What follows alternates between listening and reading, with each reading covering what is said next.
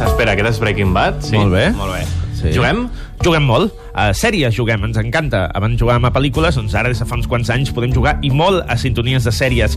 Uh, tenim sobre la taula un llibre que podríem dir és seminal, gairebé, perquè fins ara no s'havia publicat, eh, segurament arreu del món, un llibre que repassi la història de les sèries des del seu principi fins a l'actualitat. I sí, ho acaba de fer un periodista català que es diu Toni de la Torre i ha publicat un llibre que es titula Història de les sèries, tal qual. A més, inaugura una col·lecció que és la col·lecció de Roca Editorial, que es diu Vamos en sèrie. Per tant, ja veieu cap on van els trets.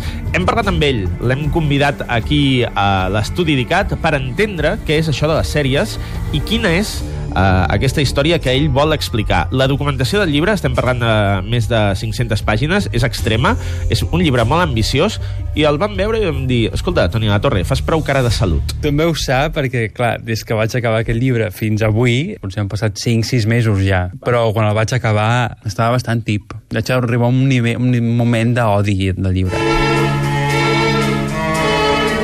L'origen és perquè, perquè soc crític de sèries, m'interessen les sèries, no, no només penso que... Penso que la meva part com a crític, a part de la ressenya diària, hi ha d'haver una part de divulgació del món de les sèries, que és un món que té un interès molt, diguéssim, un interès molt recent. Hem mirat sempre les sèries, però no ens han interessat sempre, són conceptes diferents. Uh, I aleshores hi ha una, hi ha una part d'aquest interès que intento divulgar, que és aquest món, intento explicar el món, el, què és aquest món abans del que estem veient. O sigui, a part d'explicar que és l'última sèrie, vull explicar què és això, el món de les sèries. Just ara, d'aquí un parell de setmanes, farà 10 anys que vaig publicar el meu primer llibre de sèries, que era sobre Lost, la primera temporada. Que en aquell moment, Lost era l'única sèrie que la gent seguia amb devoció. Eh, el públic general no sabia que era un showrunner. El públic general i fins i tot els, els posats en sèries, eh? Sí. I fins i tot els que havien començat amb uh, Lo Soprano, gràcies a les edicions en DVD, uh, que era un públic, no? Lo Soprano, The Wire, a dos metres bajo tierra. Tinc molta sort que ara llibres va dir que sí al llibre de Lost, perquè la meva editora mateixa, quan li vaig entregar el llibre, em va dir no, no, o sigui, jo no entenc res del que has posat aquí. Em podries haver, haver explicat, o sigui, podries haver inventat qualsevol cosa en el llibre i me l'estaries coblant perfectament. Això és la cançó de l'Escotilla. Recordeu que va donar per tant debat al principi, després ja sabíem que hi havia. Hi havia sí. el Desmond, hi havia gent... Puc confessar una cosa? Ahir vaig començar a veure Lost una altra vegada. A casa ah, meva... Pensava que diries que no l'has vist. No, no, que sí, sí que l'he vist. res, eh? No, no passaria res. Uh -huh. En fi, molt maco el primer capítol, el pilot. Oi que sí? Sí, sí, molt xulo, està molt bé. Uh, jo ho he vist tot? No, no ho he vist tot. He vist Lost i poc més. he de dir. Però gent que Nosaltres sí. ens preguntem això tant que s'escriu, sobretot, i es llegeix eh, sobre sèries, darrere hi ha gent enganxada a la pantalla, i sobretot la gent que no es dedica, com el Toni de la Torre, que no és especialista, realment ho veu tot? No té vida? Li hem preguntat això. Ni jo, ni l'Òscar Brock, ni ningú veu tot, entre altres coses perquè, i això és una cosa que una mica faig unes consideracions a l'inici del llibre, és, el llibre no vol ser una història de les sèries nord-americanes ni una història de les sèries britàniques, vol ser una història de les sèries universal. Aleshores, eh, vaig passant per tots els països quan correspon, quan és interessant i quan fa avançar l'evolució del mitjà. De la mateixa manera, com a espectadors, nosaltres seguim molt les sèries nord-americanes, ens seguim de britàniques, ens seguim d'europees, però ei, què passa amb les sèries d'Israel? Què passa amb les sèries japoneses? Què passa amb les sèries xineses? Què passa amb les sèries de l'Índia? És a dir, hi ha una eh, barrera lingüística molt difícil de superar i que no cal anar tan lluny, eh? Per exemple, les sèries flamenques, que són d'una qualitat excepcional, no hi ha manera de veure-les a menys que coneguis l'idioma, perquè ells inclús en DVD eh, treuen, és mercat nacional per tant no porten subtítols als seus DVDs i si, i si ens mirem si mirem el que fem nosaltres passa el mateix. Imagina que algú vol veure un italià decideix que vol veure Merlí per dir alguna cosa eh, no tindrà manera de veure almenys que sàpiga català Doncs eh, ja que hi som, aprofitem per parlar de la ficció nostrada. Merlí, eh, Polseres Vermelles, perquè no, eh, però sobretot en destaquem dues, les dues sèries més potents al moment. Merlí a Televisió de Catalunya i El Ministerio del Tiempo a Televisió Espanyola. I en el llibre menciono que justament aquestes dues sèries perquè això està inclòs dins d'un fenomen que no és nostre, és europeu. O sigui, des del 2005 fins aquí, les, els canals europeus, a més curiosament, eh, els del nord d'Europa públics i els del sud d'Europa privats, en la majoria, coses com el Ministeri del Tiempo o Merlí venen una mica encaixades dins de Borgens, Le Revenant, Gomorra i companyia.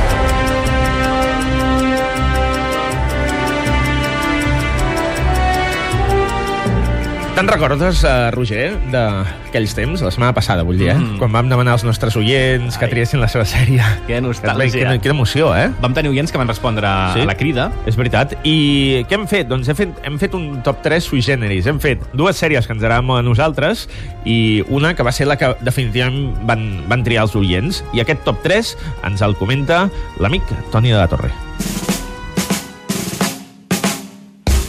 Tremé.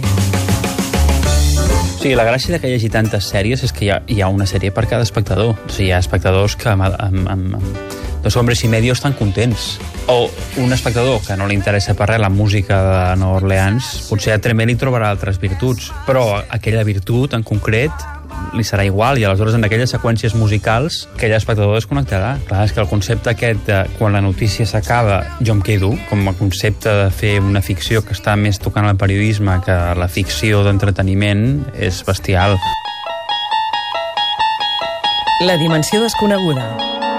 La dimensió desconeguda és molt recuperable i diré els que ara estan flipant amb Stranger Things, de Stranger Things s'han dit moltes coses. Hi ha un capítol de la dimensió desconeguda que el busquin, que és, en fi, no, no és plagi, però la inspiració és molt evident. Hi ha un capítol d'un personatge i una paret, no dic més per no fer spoilers a Stranger Things de rebot, que convido a la gent que el miri perquè estic segur que el tenien molt present quan estaven fent Stranger Things. La seva influència la continuem notant, està molt present. La dimensió desconeguda la pots trobar a Black Mirror, eh, la pots trobar a tot el que fa l'Abrams, eh, absolutament tot. Pensa que Star Trek eh, crea personatges que entren, van d'un món a l'altre, no? La primera Star Trek. Bé, és a tot arreu.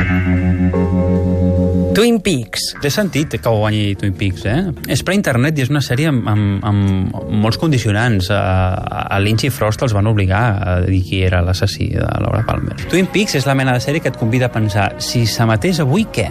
La conversa a les xarxes socials, com seria? A, a, la cadena ens obligaria a, a explicar-ho o el respecte que es té per l'autor avui permetria... Partint del fet que Lynch i Frost, per ser els 90, van tenir molta màniga ampla per part de la cadena, eh?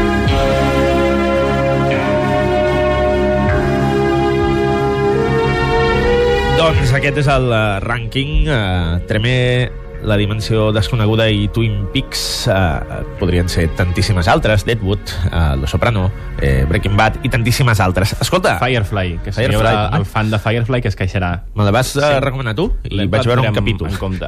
Escolta, és el millor moment de les sèries, l'actual? És ara o no és ara? Quin moment és l'actual? Edat d'or, podem fer servir el Podríem fer-ho servir o no, Toni de la Torre?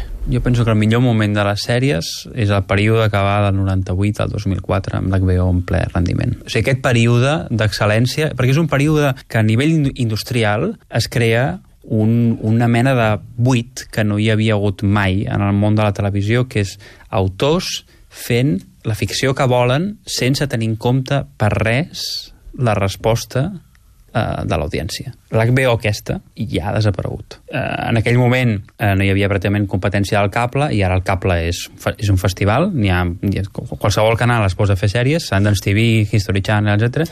I ara hi ha els, els, els video on demand Netflix, companyia, etc. I tots volen un trosset del pastís, cosa que força a fer ficcions amb un grau menys d'aquesta llibertat eh, històrica que van tenir aquells creadors en aquell moment.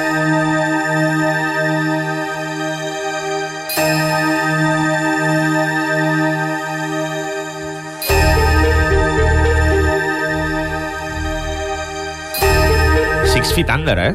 El capítol final, celebradíssim, d'aquesta sèrie meravellosa. Uh, però parlem ara de la història de dalt a baix, perquè han sigut uh, ja gairebé 100 anys de televisió, i des del primer dia de, de televisió gairebé hi va haver sèries, sempre inspirades en el fet teatral, en les novel·les per entregues, uh, i sí, hi ha hagut sèries des de sempre, i nosaltres les hem vist totes? No, però hem llegit el llibre del Toni de la Torre. Hem parlat en aquesta entrevista de l'època clàssica amb la dimensió desconeguda, hem parlat d'aquesta millor època, segons el Toni de la Torre, de principis d'aquest segle, hem comentat la situació actual, però amb aquesta gran, aquest gran panorama preguntem, hi ha tics des de sempre? És la mateixa, la narrativa? Hi ha elements com el cliffhanger que mai fallaran? Sí, molt, radicalment. Però allò era, aquella primera ficció era un acte, actualment en són sis, era teatre, hi havia una sola càmera i, un, i una altra part, una suplementària per les mans, i habitualment tenim uns sets espectaculars en les seves, es filmen exteriors, i a més a més, eh, la manera de, de dirigir, que això és una cosa que ha canviat eh, en els últims anys, ha passat de ser una cosa molt eh, de fórmula, molt canònica, a ser arriscada. O sigui, aquells plànols de Breaking Bad subjectius Clar, ha canviat la cosa i bastantíssim. Uh, acabarem demanant-li al Toni de la Torre que es mulli perquè ell és crític de sèries, ha escrit molt sobre Lost, estima Lost i no creu que la sèrie tingués capítols eh, que sobressin, creu que la sèrie funciona de dalt a baix. A mi el final m'agrada, imagina't. Al final t'agrada? Sí, Ets d'aquests, tu? i tant. Doncs li demanem al Toni de la Torre que es mulli i que ens digui quina és la seva sèrie preferida. Lo Soprano. Jo crec que és la sèrie que va, va, va fer mirar les sèries d'una manera diferent. Havia vist moltes sèries abans de Lo Soprano, però Lo Soprano vaig dir, eps, això no és res semblant al que havia vist abans. Tengo 46 años. No sé quién soy. Ni a dónde voy. Doncs el llibre Història de la sèrie és molt i molt recomanable. És un llibre que, a més a més, funciona bastant bé, va fluint. No és només un llibre de consulta, es pot llegir de dalt a baix i que ens descobreix tots els secrets. Això sí, no ho hem parlat, però està ple d'anglicismes, eh? Tots els que vulguis. Clar, Show- showrunner. showrunner, eh, spoiler, òbviament. Ah, Faria falta ja començar a trobar paraules. Episode o no? Episode? O fa servir capítulo? En ja està, eh? Sí, diu Vale, vale. capítol. I di, no diu season. Ah, diu temporada. Diu temporada, també.